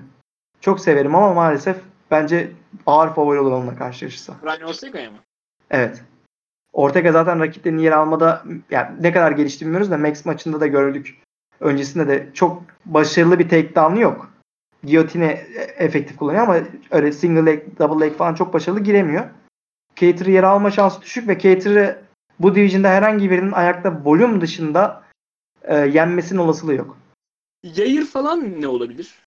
Mesela hani biraz daha Viking Gale olabilir evet. Evet doğru. Doğru. Ben boxing'i kastetmiştim. Doğru. Yay, Yayır'la güzel bir maç olur. Cater bu sefer daha içeri girmek zorunda kalır. Bu Ige maçındaki gibi dövüşmez. Bence stil değişir. Daha Stephens maçındakine daha yakın olur bence. Ee, ama ya yani, abi Zabit'le Zabit- dövüştü ve o gaz tankı bittikten sonra yani azaldıktan sonra Zabit'le neler yaptığını gördük. İlk iki roundda da aşırı aşırı ezilmedi. Tamam Zabit herkesi eziyor çünkü muazzam bir herif. Yani Zabit en iyi halindeyken gaz tankı varken herkesten iyi abi. Teknikte. O farklı bir olay. Ama yani bilmiyorum. Ben, ben Yayir'in de üstünde görüyorum şu an Cater'ı. Ben, bence eee yani Max ve o, o Volkanovski'den birisiyle dövüşürse bence hak, hak etmemiş olmaz. Ama bir maçı daha var bence. E şey olabilir mesela Zabit Yayır maçını hani Yayır yenerse belki Zabit rövanş olabilir. Yani hani şu anda işte hani Cater hani two win streak'te hani bilmem belki Yayır'le yapıp oradan çıkan bir kemer maçını çıkabilir falan. Olabilir. Olabilir. Ya da şey olabilir. Aynen dediğin gibi. iki tane maç var ya ana maç yukarısında onun. Zabit Yayır ve Ortega e, Zombi. Aynen. O on iki maçı kazanan bir tanesi boşta olacak. Terzi şut alamayacak. O adam için olabilir. Max için olabilir. Bakarız. Bence bakarız deyince sanki ben ayarlıyorum amık. Neyse. Aynen. Ee, etkileyici İG'de bence çok bir şey kaybetmedi. İG yine taflığını gösterdi tamamen. Ee, o, o da güzel bir tecrübe oldu bence. Bu higher competition'ı görmesi. O da yakında güzel bir şekilde girdiler bence diyorum ve çok konuştum sana paslıyorum.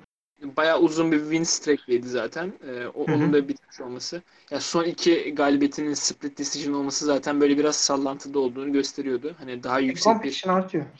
evet, daha yüksek bir rekabette ve sınıfta kaldı diyebiliriz ama tabii önünde Çok fazla zaman var. Daha genç yani 28 yaşında bir adam. Hı hı. Ki yani stili bence gayet işe yarayabilecek bir stil. Hani Abi çok tekniği bence çok iyi İGE'nin. O girip çıkmaları. Cater e, görünmeyen bir iş yaptı. O cepler çok etkili. Başka birine karşı İGE çok efektif olur. O stilde. Evet. yani işte mesela işte split decision'ları niye kazanıyor ya da aslında bence bir cevap bu. Hani Bence de. çünkü içeri girip işte vurup çıkınca ve bunu iyi yapınca güzel gözüküyor. Yani hakemleri aslında tav edebilecek bir şey. O yönden bayağı iyi. Takedown da alırsan rakibiklere. Onu yaptığı gibi. Aynen. Ya senin söyleyeceklerin üstüne başka maçla alakalı yani Cater'ın şöyle bir eğilimi daha var eksiklik olarak söyleyebileceğim. Dan Ige çok fazla şey yapınca hani yatay hareket yapınca lateral movement ya Ke- Calvin Cater çok fazla takip etti ya onu önünü kesmektense. Doğru. Evet. Evet. Doğru. Ya o- onun biraz daha böyle şey olabilir ne bileyim. Biraz da ona çalışıp bir önünü keseyim hani çünkü Evet. cidden zaten maç sırasında şeyde Michael Bisping de dedi. Hani bir exchange oluyor. Sonra Dan Ige dönüyor. Diğer tarafta aynı pozisyon oluyor yani. Hiçbir farkı yok. Evet o Puriton diyorlar ya köşeye sıkıştırıp iş yapma. Onu bu şekilde yapamaz. Evet. Doğru. Çok doğru. Çok doğru tespit abi. Yani bakalım o, o, o yönden biraz eksikliği var. Hala Denige çok fazla işte tekme göstermediği için bize o konuda nasıl kendini geliştirdi onu çok bilmiyoruz. Yani Yayır aslında onun belirleyicisi olacak. Doğru diyorsun orada. Cater ne kadar çok iyi gözükse de çok teknik gözükse de striking'de hala eksikleri konusunda bir soru işaretleri var kafamızda yani. Ve bunlar Kesinlikle. exploit edilebilecek e, eksiklikler. Ama kapatılabilecek de eksiklikler. Kesin. Yani Kesin. o yüzden çok belirsizlik çok güzel. Yaptığı işi muazzam yaptığı için diğer diğerleri ne olacak acaba? Bakıyoruz. Abi lafını böldüğü yedim ama ya muazzam bir division değil mi? Muazzam bir boksör var. Muazzam bir tekvandocu, kicker var. İşte muazzam bir delimiz var. Chen Sung Jung. Deli tam olarak. İşte e, bir muazzam jiu var. Volüm puncher var. Bunu bir tamamen volümle yapan var. Bir de o volüme güç katarak yapan var. Öteki taraftan hani Doğan'ın Freak'i böyle garip grup bir insan var. Zargana gibi her bir boku yapabilen saçma sapan bir varlık var. İşte elinde öküz gibi güç olan bir herif var. One Punch Yani Man bayağı- gibi takılıyor. Her şey var abi Division'da. Evet. Featherweight'in yukarısı bayağı hani styles make fights yani. Kesinlikle yani. İyi, iyi gününde her, herkes şampiyon olabilir burada. İyi senaryoda. Aynen öyle. Cater'ın ya build up hani yetenek şeyi hani yetenek gidiş abi çok optimum yani. Hani Kesinlikle. çok iyi bir striker. Çok iyi kardiyosu var. Ve çok iyi takedown defans. Ya bu bu bu paket flow'ları kapatırsan uzun süre 3-5 title defense yapabilecek bir şampiyon paketi. Aynen öyle. Paket çok sağlam. Hatta üste çıkarsın aşağı inersin falan. E, tam olarak MMA'de olabilecek en iyi 2-3 paketten bir tanesi. Yani vardır var ya klasik. 15 liram var hangisini alırsın, hangi şeyi alırsın bilmem ne. Her şey için yapılıyor ya bu. Aynen. İde, ideal parayla alınabilecek en, en güzel paketlerden bir tanesi. İşte mesela Habib'in paketi var. Muazzam. Şey yere alıyorsun, yerde dövüyorsun, yerden kaldırmıyorsun. Bu da çok güzel bir paket ya. Evet. Yani o- bu şekilde 2-3 tane paket var. Onlardan birine sahip Kater. Dediğin çok doğru. O yüzden yani geleceği var gayet. Bakalım ne olacak. Yukarıdaki herkesin buklanmış olması birazcık tabii üzücü onun için ama Evet. illaki şans gelecek yani kemere doğru o olan yolculuğuna devam ediyor yani. O burun da iyileşsin zaten. Hemen maçı çıkmasın bir daha. Aynen. Tabii canım. O burun aynen. o burun çünkü sıkıntı yaşatacak onu. Ya yani. bir, bir sonrakinde bu kadar şanslı olmayabilir. IG gibi kısa değil de daha re- range'i uzun, reach'i uzun bir rakip sorun yaşatır yani ona. Var mı hocam son olarak söylemek istediğin bir şey? Bu kartla alakalı düşünüyorum abi. Tekrardan notlarıma bakıyorum. Yok ya aklımda başka bir durum yok. Ha şunu söyleyeyim. Bu Fight Island'daki title fight olmayan en çok beklediğim maç hangisiydi ya da hangisi? Hmm.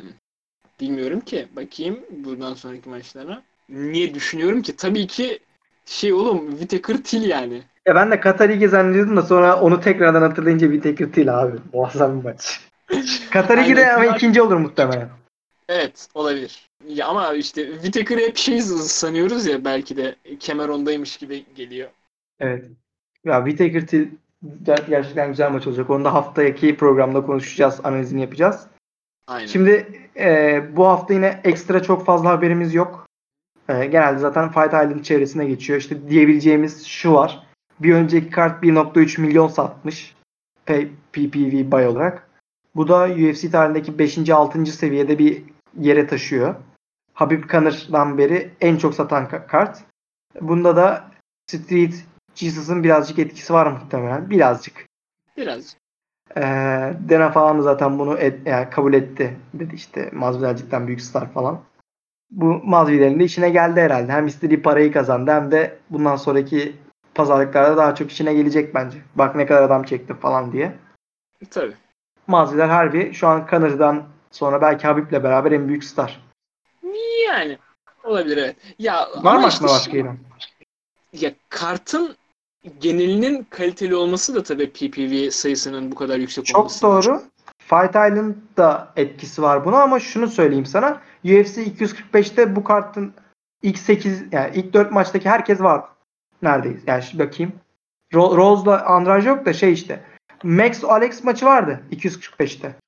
Ama rövanşlar her zaman daha fazla. Abi Usman Covington nefret ediliyordu mesela. Hayır yani o maçta draw çekmeyecekse kim çekecek? Sonra Piotr Yan vardı, Jose Aldo vardı. Tabii ki bu kart daha iyi build up hepsinin bir pack halinde olması daha güzel ve Fight Island olmasının etkisi var. Ama o 245 için tam sayı verilmiyor da en o en iyimser e, sonucun 500 bin 400 bin falan olduğu tartışılıyor. Yani çok satamamış yani. Şimdi 400 binden 500 binden 1.3 milyona çok büyük fark Diaz maçı da aşırı satıldığını düşünürsek Masvidal'in. Masvidal çekiyor. İnsan çekiyor. Helal olsun. Baptism will continue deyip son bir haberim daha var abi bize ve size dinleyicilerimize. Welterweight dedik. Colby ile Tyron Woodley arasında 22 Ağustos'ta bir maç yapılması teklif edilmiş. Yani Colby bunu iddia ediyor. Ve bunun eee, sözleşmenin bir resmini de Instagram üzerinden paylaştı. Ama Tyron Woodley'nin reddetmesi sebebiyle maçın yarıda kaldığını söyleyip Tyron Woodley'nin babasına da güzel bir geçmişe de yönelik tavsiyede bulunuyor. Güzel demeyeyim de. Onu şey yapmayalım bence. Yok onu, ondan bahsetmeyeceğim canım. Okey. İçeriye girmeyeceğim. Yani güzel bir diss atıyor diyeyim. Kapatayım öyle. Anladım.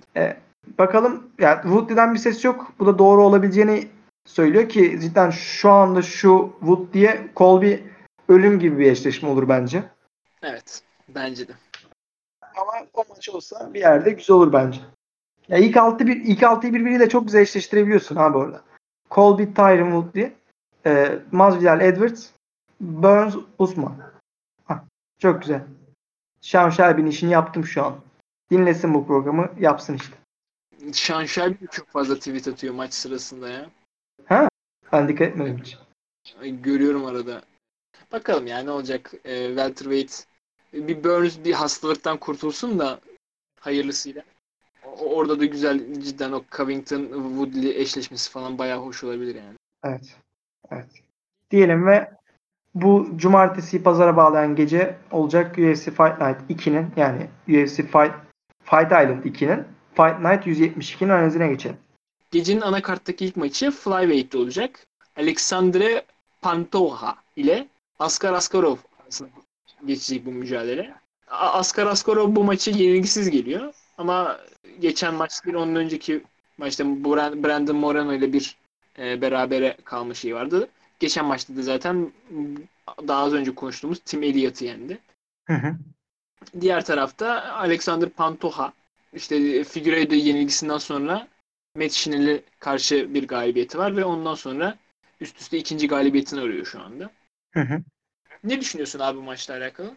Abi bu karttaki bence hani 5. maç olarak konmuş da benim en merak ettiğim 3. maç bu.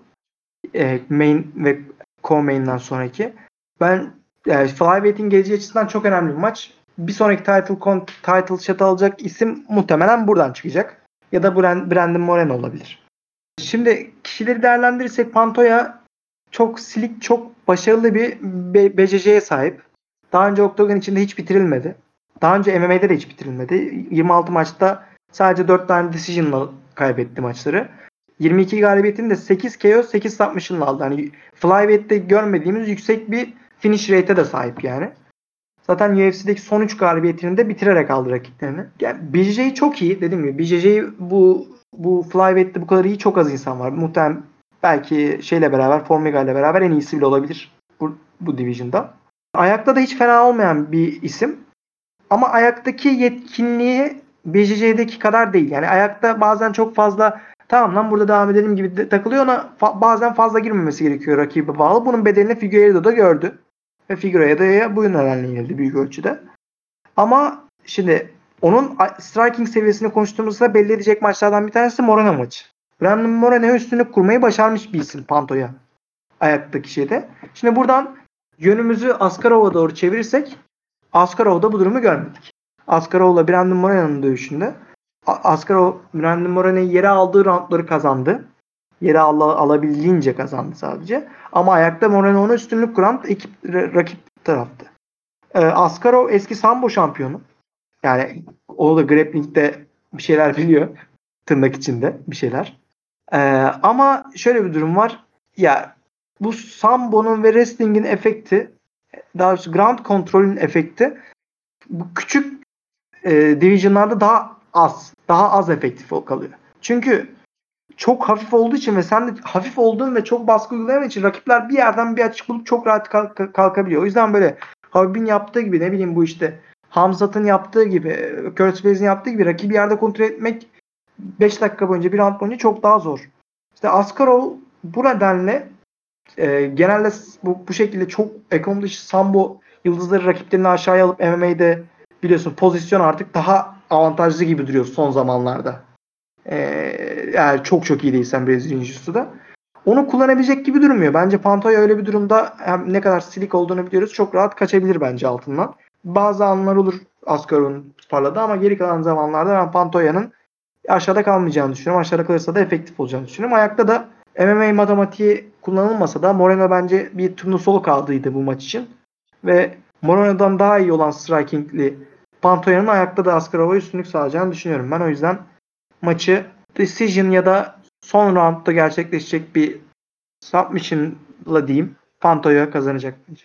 Geçelim o zaman. Benim çok fazla bir fikrim yok. O yüzden iki maça geçelim. Tamamdır abi. İkinci, ikinci maçı Ariane Lipski ile Luana Carolina arasında olacak. Flyweight, evet Women's Flyweight'te olacak. Yani ben iki dövüşçüyü de bilmiyorum. Ama şeyden bir şeyler yürütmeye çalışırsak şimdi Ariane Lipski son 3 maçında 2 2 mağlubiyeti var. Ama son maçını yenmiş. Karşı tarafta Luana Carolina e, uzun bir win streak'ten geliyor. Bu UFC'deki 3. maçı. E, bir Dana White işte Tuesday Night Contender Sayma, serisi. sayma onu sayma. Aynen. O zaman ikinci maçı. Yani ikisi de aslında UFC'ye yeni diyebiliriz. Yani ikişer, üçer maçları var. İki sene olmadı hiçbirisi için. Evet. Aynen. Ee, e, Ariane Lipski biraz daha herhalde ayakta daha iyi birisi. Çünkü burada İkisi 6 de. görüyorum. İkisi de. Aynen. Diğer tarafta Luana Carolina'nın da yine iki tane KO'su var. De alayım abi ben buradan. Dediklerin büyük ölçüde doğru. İkisi de daha ayakta dövüşmeyi tercih eden kişilikler, e, hanımefendiler. İkisinin tarzına baktığımızda Lipski biraz daha teknik olan dövüşçü ve biraz daha da agresif olan dövüşçü. Lorna Carolina, Carolina ise daha az tecrübeli. Reach'i bir miktar daha uzun. 2 inç daha uzun olan dövüşçü. İstatistikler bu maçta biraz daha yanıltıcı çünkü Lorna Carolina'nın bir tane Octagon appearance oldu ve onda daha net domine ettiği için rakibini şu anda strike e, per minute'a baktığınız zaman 6.53 gibi e, muazzam bir rakam görüyoruz Luana Carolina'nın yanında. Ama bu dediğim gibi biraz daha yanıltıcı bir rakam. O yüzden çok okumamak lazım burayı. Bu e, senin de demin dediğin gibi ya bu benim en ya bu iki kadını da canlı maçını ya da e, tape'ten tüm maçını izlemedim. O yüzden e, bu karttaki en a- e, guess'im tahminim prediction'ım bu olacak. Ama e, Molly McCann Tyler Santos maçından da akıl almayarak hani orada da daha teknik olanın kazanacağını düşünmüştüm. Ama bu olmamış. Daha fiziksel olan kazanmıştı. Bence ama Ariane Lipski daha farklı bir challenge sunuyor Luana Carolina'ya ve Luana Çok tecrübeli değil daha bu yaşında. Daha sadece 7 maçı var. UFC'deki dediğimiz gibi ikinci maçı olacak. Bence agresifliği ve tekniğiyle Lipski bu maçı decision'la kazanacak. Geçiyorum. Hı hı. Gecenin anakarttaki üçüncü maçı Lightweight'te olacak. Mark Diakese ile Rafael Fiziev arasında gerçekleşecek bu maç. Hı hı. Ne düşünüyorsun abi bu maçla alakalı? Ee, güzel bir striking battle izle- izleyeceğimizi düşünüyorum. İki tane genç strike, striker birbiriyle karşılaşacak. Ra- Rafael Fiziev e, Kırgız dövüşçü. Kırgız asıllı şu an e, şeyin tam yani Kırgız asıllı dövüşçü. Ee, şeyde Tiger MMA'de çalışıyor. Tiger MMA'in trainerlarından bir tanesi. Tiger Muay Thai pardon düzeltiyorum. Tiger Muay Thai'nin trainerlarından bir tanesi. Yani e, Muay Thai seviyesi hakkında bu bilgi verici bir durum bence. UFC'deki ikinci maçı ilk maçında Magomed Mustafa'ya beğenildi. Şimdi e, son iki maçında Alex White'a karşı etkileyici performans koyduktan sonra üçüncü maçına çıkacak.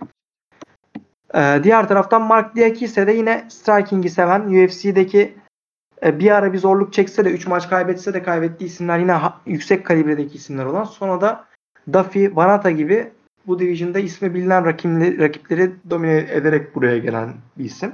E, Diakise ilk başlarda kariyerinin ilk başlarında takedown'a biraz daha zorlanmış takedown'ı savuşturmasında ama bunu e, genç bir dövüşçü ve yenmeyi başardı. E, daha zor düşürülüyor şu anda yere ve kendi takedown'larına da gidebiliyor. Kendini bu alanda geliştirdi. Ha, Fiziev bu takedown'a gitmeye çalışmayacak zaten. Fiziev daha çok strike etmeye çalışacak bu maçta. Daha iyi striker, daha e, teknik Muay Thai dövüşçüsü Ramazan Rafael Fiziev gibi ama MMA biliyorsun diğer tüm dövüşlerden biraz daha farklı ve her şeyi karıştırmak, kafes kullanımı, tecrübe gibi faktörleri düşününce ve fiziksel gücü de hesaba katınca ben maçı kazanacak olanın Mark Bone Crusher Diakis olacağını düşünüyorum. Muhtemelen ikinci roundda KO ile. Anladım. Mark Diakese biraz daha yakın geldi e, galibiyete uzanma açısından. Hı hı. O yüzden benim de çok fazla ayrıntılı bir yorumum yok. Geçiyorum sıradaki maç. Tabii ki. E, gecenin co-main eventi biraz daha bildiğimiz dövüşçüler arasında olan e, middleweight'te olacak olan Jack Hermansson'la Kelvin Gastelum arasında gerçekleşecek. Kelvin Gastelum'u zaten tanıyoruz yakından. Jack Hermansson'dan en azından biraz daha yakın tanıyoruz. Son iki maçında mağlubiyetle ayrılmış olsa da e, yeni bir bounce back'in peşinde Kelvin Gastelum. Diğer tarafta Jack Hermansson da son maçını yenildi. Aslında bu biraz daha hangi taraf Yukarıya gitmeye daha şey aynen. evet onu belirleyecek. Sendeyiz hocam ne düşünüyorsun bu maçla alakalı? Abi belki de bu kartta en beklenen maçlardan birisi. Title fight da var bu kartta ama etkileyici ve e, middleweight için önemli bir etki yaratacak maç bu. Ee, direkt yarışma şey dövüşçülere odaklanırsak Jack Hermanson 32 yaşında. Şu ana kadar 20 galibiyeti, 5 mağlubiyeti var. Daha çok ground and pound'u ve takedown'larıyla biliniyor. İyi bir wrestler. Ama ayakta da çok yine bu Dominic Cruz tarzı çok saçma bir footwork'e sahip ve çözmesi zor bir şifre. O büyük showcase'inin değişik galibiyetleri var. Başarılar elde etti ama böyle tam parladığı dövüş Ronaldo Souza'ya yani Jacare'ye karşıydı. Jacare'yi domine etti. 25 dakika boyunca main event slotunda.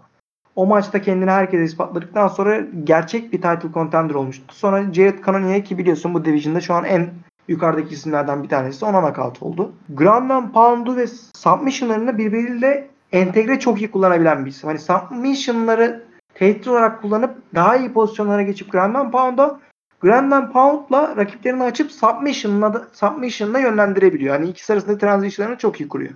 Rakiplerine başarılı şekilde yer almayı başarıyor çok fazla.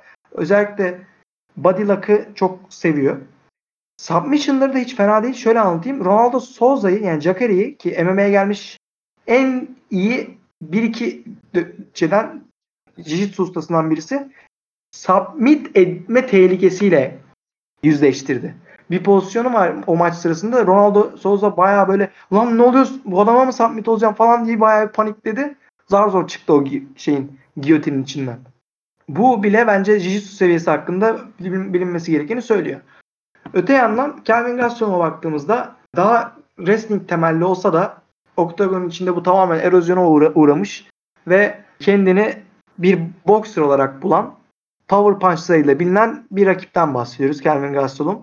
Özellikle Adesanya maçında e, ne kadar head movement'ını etkili kullandığını, rakibini kafese doğru bastırıp o güçlü sol kolun sol e, elini rakibine değdirdiğinde ne kadar efektif olabileceğini Adesanya'yı yere indirmesinden gördük. Aynı zamanda Adesanya maçındaki e, taflığını da gördük ki şöyle ki Adesanya'yı en çok bir maç içinde en çok knockdown yapan e, UFC fighter'ı yapmış oldu Gastelum her knockdown'dan sonra ayağa kalkmayı başararak.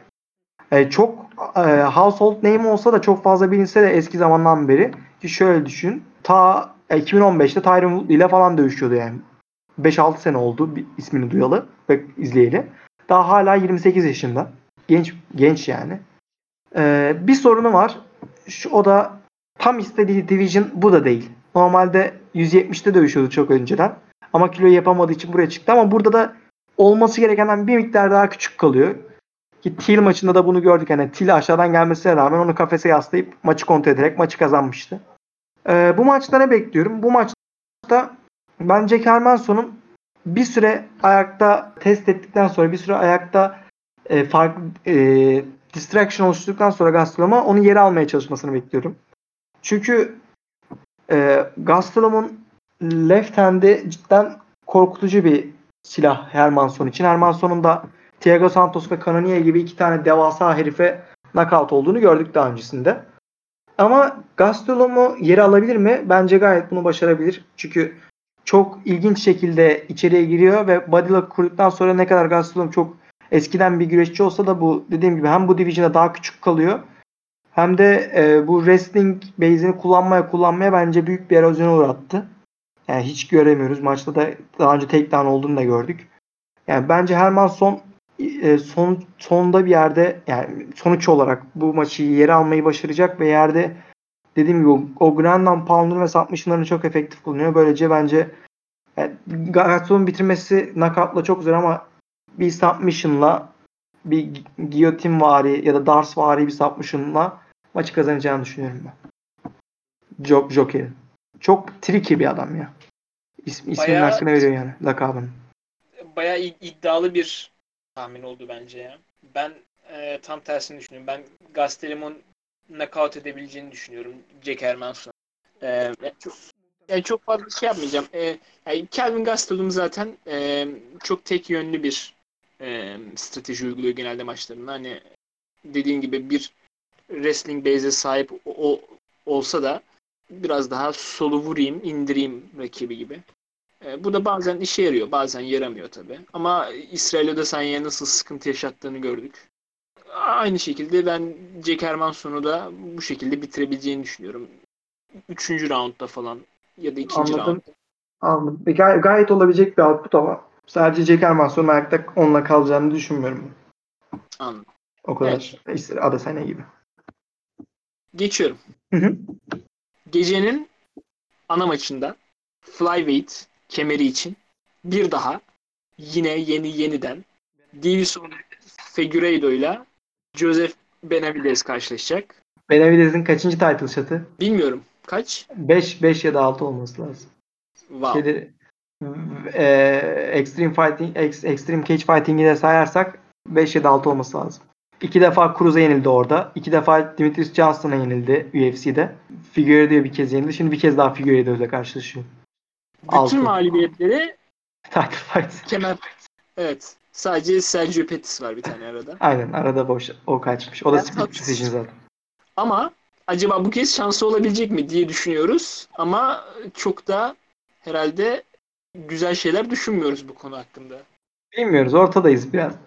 Sen ortada mısın? Yani ş- şöyle eee Masvidal maçı gibi yine sevdiğim insan biraz daha beni rasyonellikten sapmaya yönlendiriyor. Ama bu sefer sapmayacağım. Şöyle bu maçı analiz etmenin bence en güzel yolu bir önceki maçı analiz etmek. Yani bunlar bu adamlar zaten bir kez birbirleriyle karşılaştığı için bir önceki maçta ne olduğunu kısaca özetleyeyim. Ve oradan bu maçta ne olabileceğini tahmin edeyim. Bir önceki maça geldiğimizde Benavidez'in daha hareketli olan dövüşçü ve Figueiredo'nun daha güçlü, daha e, yumruklarında kuvvetli olan isim olduğunu gördük. Maça Benavides nasıl teknik, daha teknik ve daha hareketli bir dövüşçü nasıl başlarsa öyle başladı. Ayağı üstünde, parmak uçları üstünde hareket ederek, rakibini tek tek avlayarak, tık tık tık tık devam ederek başladı. Ama e, daha bir, bir buçuk dakika girmişken zaman Figueiredo onu bir tek down'la aldı ve bir scrambling yaşadılar. Orada az kalsın submit oluyordu Benavides. Ki daha önce hayatında hiç submission'la lose yok. Ee, orada ama bir büyük sorun yaşadı. Figueiredo'ya karşı. Oradan sonra oyunda bir miktar değişiklik oldu. Sanki daha duygusal olarak davranmaya başlayıp e, circle yapıp işte rakibi doğru yerde pick apart tekniğini uygulamasının dışında daha rush böyle zaten arada o moda giriyor Benavides boğa modu böyle kafayı aşağı indiriyor sağ sol sağ sol sağ sol kroşelerle içeri giriyor sonra geri çıkıyor ama geri çıkması geç kalıyor böyle kafayı indirip girince. Nitekim zaten sonunu hazırlayan olay da bu oldu. İlk round bu şekilde devam etti. Tüm hakemler Benavides'e verdi ama sanki e, Figueiredo şeyi rüştünü gösterdi ilk roundda. Çünkü Benavides'in en güçlü yumruklarını bile aldıktan sonra e, tamam bu muydu falan gibi takılıyordu Be- Figueiredo. Çok mutsuz değildi yani Benavides'le exchange etmekten. E, Be- ama Benavides bundan e, ne, o ilk başta maça başladığı strateji uygulamaktan vazgeçip o overhand left'i ısrarla bulmak istedi. Bunun sonucunda gözü kapatıp kafayı eğip sürekli onu denemenin sonucunda Figueiredo'yla bir headbutt oldu. Kafalarını çarpıştılar birbirleriyle. Ki bu çarpışma sonrasında Benavides de olsa içeriye doğru giren kafasında büyük bir açılma olan taş kafalı Figueiredo'nun oluşturduğu Benavides'in kafası oldu. Hani geçen program konuştuk ya taş kafa olmak, koca kafalı olmak işe yarıyor. Sonuç olarak o, o an oluşan yani çok da büyük bir kan kütlesi çıktı dışarıya yani. O yani küçük, küçük bir kat değildi abi. E, o, o kadar büyük kan fırladığı az var herhalde alından. İlginç bir kattı yani. O distraction'la beraber Benavides e, distraction'ını Figueiredo çok efektif kullandı. Çok doğru kullandı ve One Punch KO ile Benavides'i ruhunu aldı resmen. E, o maçta ama şöyle bir durum da vardı. Figueiredo 127,5 çıktı kiloda. Ve sonrasında da aşırı büyüktü. Belki hiç kilo kesmeye bile çalışmamış olabilir gibi geliyor yani. Bilmiyorum ne yaptı. Ee, biraz yani kiloyu yapabilecek mi? En büyük sorulardan birisi bu. Yapamaz, yapabilirse bile o gücünün ne kadar olacak? Yani muhtemelen yine olacak. Çünkü önceki maçlarında da vardı da ne kadar efektif olacak? Benavides ne kadar duygusal davranacak? Çünkü Figueiredo'yu sadece bir maç kaybetti hayatı boyunca Formiga'ya karşı ve o maçta yere gittiği için ve Formiga muazzam bir jiu olduğu için işte bu division'daki Pantoja ile beraber en iyi jiu kendileri. O şekilde kaybetti. Ee, yani ayakta belki bir iki round Benavides üstünlük kurabilir ama yani bu 5 roundluk bir maçta 5. roundda bile ben Figueiredo'da güç kalacağını düşünüyorum. Ha kondisyon çok kötü görünmüştü bir önceki maçta. Kilo kesmeyle mi alakalı bilmiyorum. Belki genel bir durum. Çünkü daha önce yani gerçi 3. raunda giden maçları da var ama o biraz daha soru işareti. En azından Benavides'in pace'ine yetişecek mi? Kondisyonu bitecek mi? Ama Figueiredo her zaman çok riskli ve o yumruğu bulursa Benavides için sorun olacak. Bir de bir önceki maçtan şu an güven de cebinde Figueiredo'nun. Ya Benavides'in kazanmasını çok istiyor. Biliyorsun Megan O'Reilly falan çok konuştuk bu olayı. Yani ne kadar tatlı bir çiftler falan filanı geçtim. Benavides bu spora çok büyük emek vermiş insanlardan bir tanesi. Yani birçok insan da dediği gibi baskı da oluşturuyor adamın üstünde ama bu artık son şansı gibi. O yüzden kazansa hoş olur ama bence Figueiredo artık kiloyu yaparsa yeni flyweight şampiyonu olarak crown edilecek diye düşünüyorum ben. Evet abi yani bayağı aslında görüşlerimiz yakın. Ben de bu iki dövüşçü arasında net Benavides'e daha samim şeyim yani. E, sempatik buluyorum. Ama ya, Figueiredo'ya çok diş geçirebileceğini düşünmüyorum. Özellikle ilk, ilk dövüş bizi e, o kadar yönlendiriyor. Yani belki yanlış yönlendiriyor ama yani ilk dövüş çok çok belirticiydi abi. O reach'ine kap, kapanmak için çok zorladı Benavides ve ona çok büyük sorunlar açmaya başladı. En azından reach avantajı olsaydı tekniğini daha güzel uygulayabilirdi. Ama hem reach hem power avantajı Figueiredo'dayken sorun büyük onun adına. Mesela bu maç için yapılan promoda şeyi falan işte dinlerken mesela Benavides'in bu headbutt'ı şey yaptığını gördüm. e, onu suçlayan işte headbutt oldu işte illegal bir şeyler falan. Yani orada biraz zırvalamış. O, o doğru abi. Hakemin araya girmesi lazımdı. Ama yani o... işte şey burada hangi sanki suç Figueiredo'nunmuş gibi davranmış. Ha bak Figueiredo'yu yapması değil hakeme yapması lazım. Çünkü o headbutt'a neden olan Benavides zaten de. Evet aynen öyle. Ama ya yani bu hakemin suçu Dan Mirogliata'nın görmesi lazımdı. Onu arkada kalıyor tam. O açıdan göremiyor hiçbir şey. Yani öyle birazcık işte şeye saklanması bu tip bahanelerin şey yani. saklanması onun için iyi bir sinyal vermedi açıkçası. Bence de yani ilk roundu kazanmış olması ilk rounddaki gibi dövüşmesi gerektiğini göstermiyor bence. İlk roundu Figueiredo'nun low output'u yüzünden kazandı ama yani o şekilde dövüşürse o punishment'ı bir noktada alabilir bence yine. Ya abi yani light and easy. Etrafta gezin gezin. İge, İge gibi ya. Tamamen İge'nin stratejisini uygulasa bu maçı kazanır bence. Efektif şekilde uygulayabilirse. Gir papa çık. Gir papa çık. Circle. Yapması gereken bu. Yapabilir mi 25 dakika boyunca göreceğiz. Ya da yapacak mı? Yapmayı tercih edecek mi? Ya Figueiredo da çok ilginç bir karakter abi. Yani, Korkusuz abi. Gözünde hiç korku yok adam. Evet. Ya hani e, şey içerisinde, Division içerisinde ilginç bir yerde. Ee, hani şey ilginç bir karakter koyuyor yani e, o sıralamalara. Böyle hani şey gibi. Baya biz şu anda şöyle bir maç izleyeceğiz gibi. Sanki bir e, kahraman var, hero ve bir de villain var. Sanki bunların Aynen. dönüşünü izleyeceğiz. Aynen. Çünkü Benavides'i herkesin sevdiği ve hani çok uzun yıllardır hani işte kaç tane title shot almış ama hiçbirinde başarılı olamamış iyi bir insan gibi gözüküyor. Hı hı. Diğer tarafta Figueiredo da tam bir villain abi. Hani adamın tipi falan da çok müsait buna. O sarı saç, siyah sakal falan.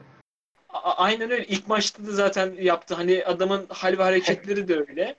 Ve headbutt sonrasında kazanmış olması da bir şey koydu gözlere. Aynen. Aynen. Ya o yüzden kiloyu kaçırmış olması. Evet. O yüzden işte baya ilginç bir e, hani daha meta bir anlamı da var aslında bu maçın. Ama hı hı. sanırım güzel sonla bitmeyecek gibi geliyor bana. O yüzden Umarım Gürey'in yine 2 ya da 3 yine kart bulabileceğini düşünüyorum. Aynı şekilde düşünüyorum abi. Bakalım ne olacak. Bakalım.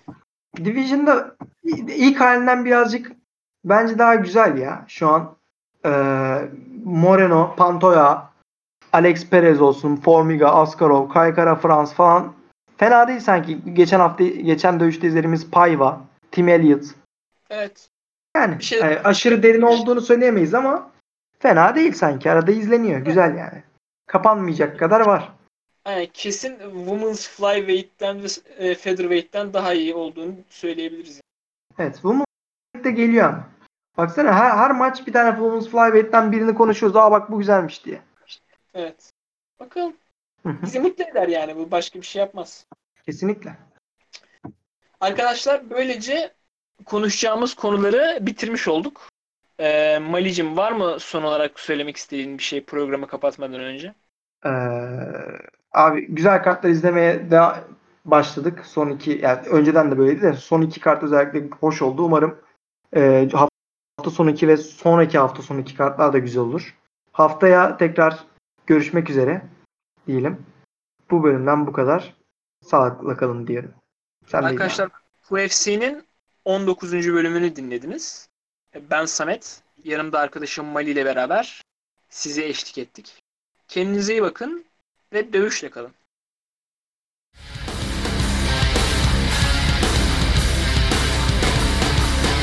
Time